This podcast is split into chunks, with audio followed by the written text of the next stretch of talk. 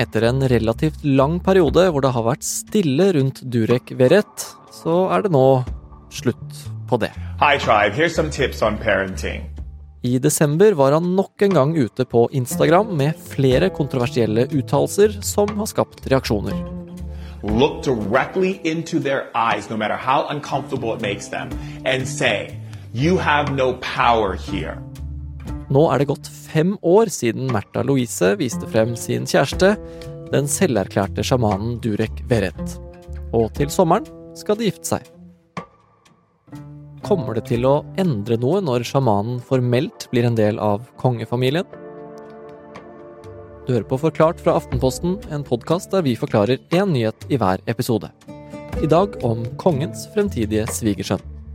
Det er mandag 8. januar, og jeg heter David Vekoni. Vi har jo ikke hørt noe særlig om Durek Verrett det siste året, men nå i desember har han kommet med flere ting på sosiale medier som har skapt overskrifter.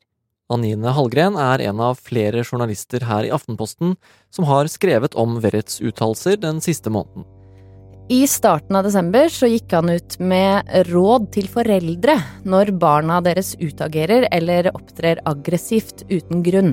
Han sa i videoen at vesener kan ta plass i barn, og at derfor kan man holde dem fast, se dem inn i øynene og si du har ingen makt her, du er et svakt vesen, og nå sender jeg deg inn i lyset. You are a weak entity, and I'm sending you into the light right now. Deep into the light. Og så, i romjula, så kom Durek Verrett med en video om hvordan man ved hjelp av hans sjamanistiske råd og teknikker kan bli kvitt selvmordstanker. Eller selvmordsånder, da, som han kaller det. In shamanism, we believe that there is a suicide spirit, a spirit that gets into your consciousness and plays off of your emotions. Det er flere fagfolk som har gått ut og advart mot de rådene han har kommet med. Psykologspesialister som Aftenposten snakket med, mener f.eks. at hans råd om barneoppdragelse kan være destruktive og skadelige for barn. Og når det gjelder dette med selvmordstanker, mener eh, forskere og spesialister at hans uttalelser er en kynisk utnyttelse av sårbare mennesker som kan være farlig. På hvilken måte kan dette være utnyttelse da, av sårbare mennesker? Den ene forskeren mener at Durek Verrett bruker et så alvorlig samfunnsproblem som selvmord er, for å skape oppmerksomhet rundt egen business, når fokuset bør være på at de som faktisk sliter, søker hjelp fra de gratis hjelpetilbudene som finnes. Har Durek Verrett selv sagt noe til den anklagen, og, og til hvorfor han sier det her? Selv har jo Verrett ment i flere sammenhenger at i USA er det mer samarbeid mellom alternativ medisin og skolemedisin, og at det han kommer med, må ses på som noe i tillegg. I tillegg har manageren hans gjentatte ganger understreket at innholdet i videoene er laget for Verrets følgere og tilhengere, som er kjent med metoden hans og hans forståelse og praksis av sjamanisme. Verret selv sier også at hvis noen ikke er enig med meg eller ikke liker det jeg lærer bort, trenger de ikke å følge meg og det jeg gjør. Men det at Durek Verret sier kontroversielle ting på internett, det er jo ikke noe nytt. Du husker kanskje den medaljongen han lanserte, som blant annet skulle hjelpe mot korona.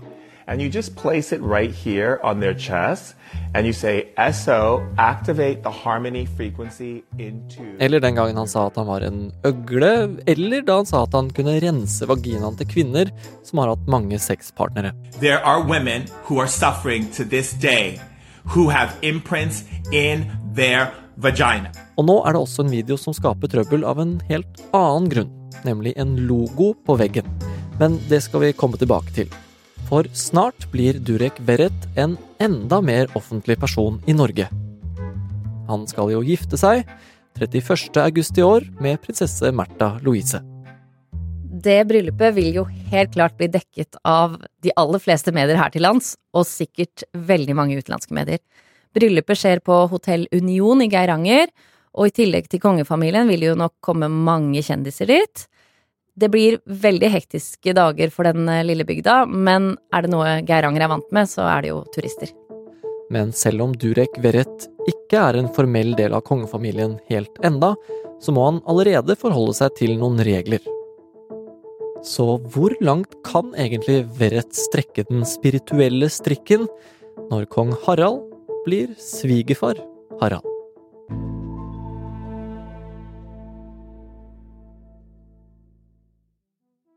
Look at me.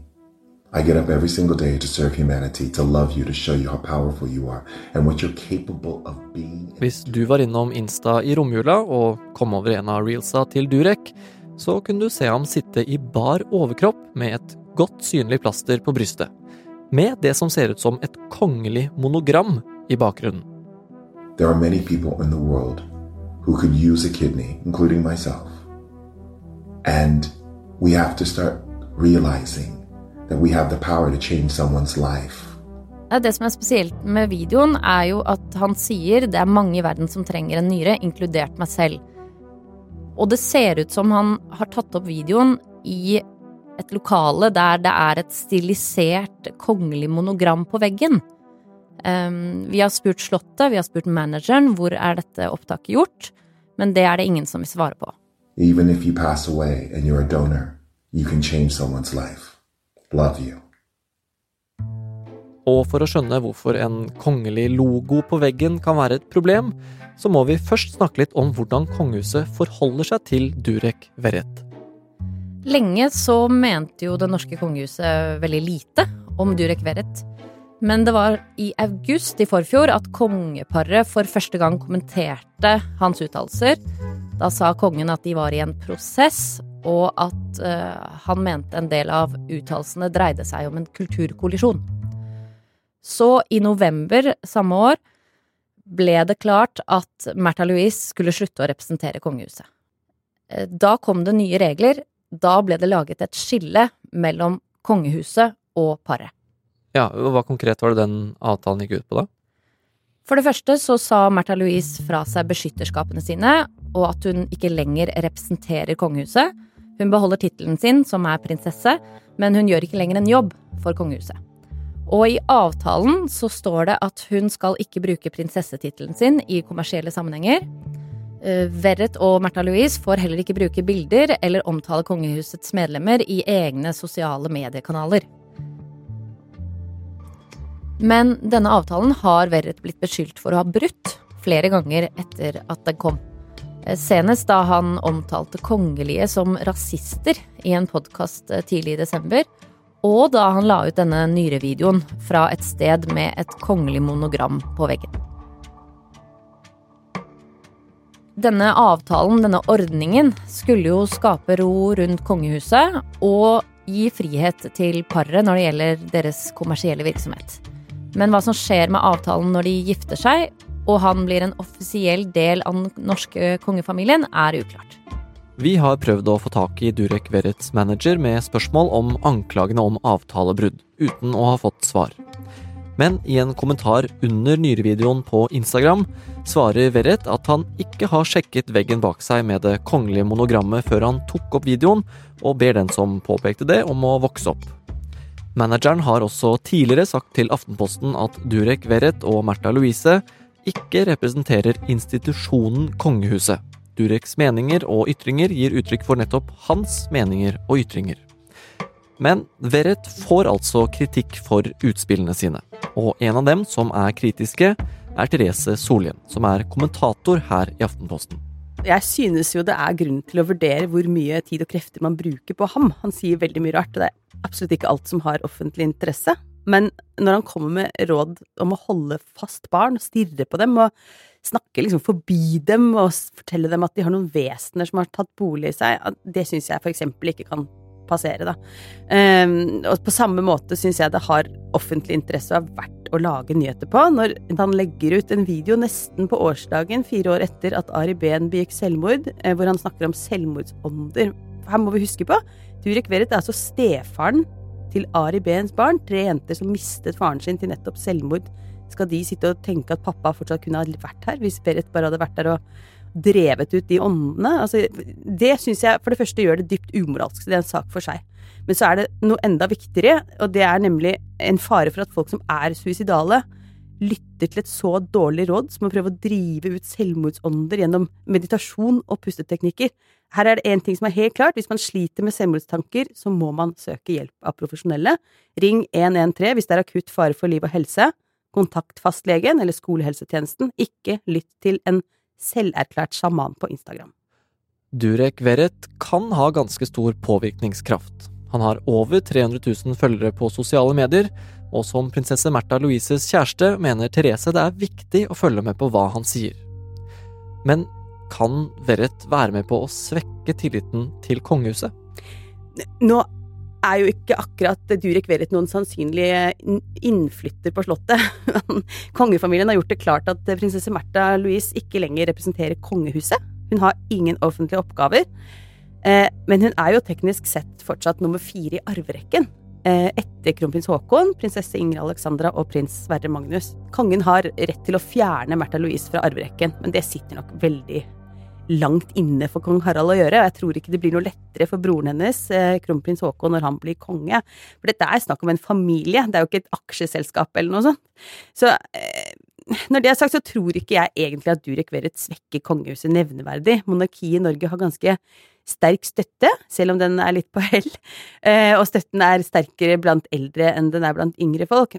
Det jeg tror, da, kanskje, er at det blir et problem for kongefamilien med alle disse kontroversielle utspillene som kommer igjen og igjen. Det kan kanskje føre til at folk begynner å tenke litt mer prinsipielt. fordi hva hvis det var kronprins Haakon som hadde funnet seg en sjaman som trodde at hun eller han kunne drive ut vesener som tok bolig i barn? Kunne man hatt en, en sånn dronning eller kongegemal? Og hvis svaret på det er nei, så er det kanskje ikke riktig at den kongemakten går i arv. Men ifølge Durek Verret så er det som oftest nordmenn som er kritiske til det han sier på Instagram, og han mener at den norske pressen er ute etter sensasjoner og klikk når de kritiserer ham. Eh, har han et poeng i det? Um, jeg syns det er en litt billig og lettvint kritikk, hvis jeg skal være ærlig. fordi riktignok så er det veldig mye mindre sånn new age-spiritualitet og kling-klang i Norge enn det er i California, der hvor han kommer fra, så det er sikkert litt overraskende å, få, å bli møtt med såpass mye kritikk. Men det betyr jo ikke at den kritikken han får i Norge, ikke er berettiget. Ikke Eller at pressen er på sensasjonsjag når vi lager oppslag om det han sier. Helt uten tilknytning til kongehuset så mener jeg at det har offentlig interesse når noen går ut med sånne budskap som han. Eh, og han søker jo også i høyeste grad offentlig oppmerksomhet, sånn som han driver sin forretningsvirksomhet. Eh, så jeg syns ikke han har et poeng. Spør du meg, så burde han ha fått mer kritikk.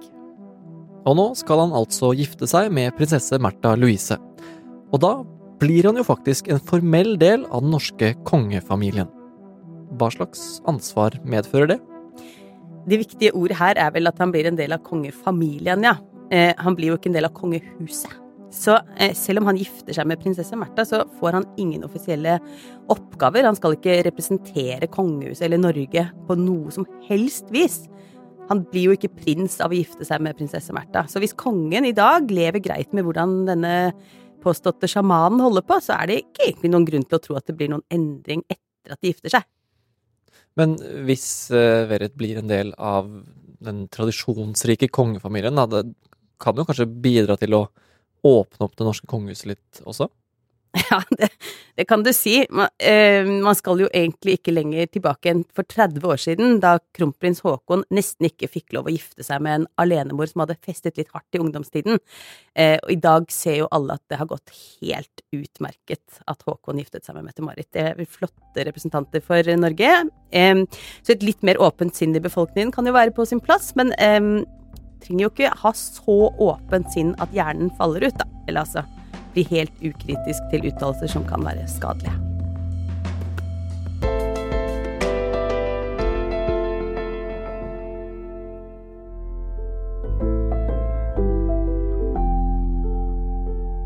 Du har hørt en podkast fra Aftenposten. Det var Anine Hallgren og kommentator Therese Sollien som tok deg gjennom Durek Verrets siste uttalelser. Lyden har hørt, er fra Instagrammen til Durek Verret. Denne episoden er laget av produsent Philip A. Johannesborg og meg, David Vekoni. Og resten av Forklart er Anders Weberg, Olav Eggesvik, Synne Søhol og Fride Næss Nonstad. Følg oss gjerne på Spotify, så får du de nyeste episodene opp i feeden din, og kan være med å svare på spørsmål og meningsmålinger. Og hvis du syns Forklart er sånn tålelig greit å høre på, så blir vi veldig glade om du vil anbefale oss til en venn. Takk for at du hørte på.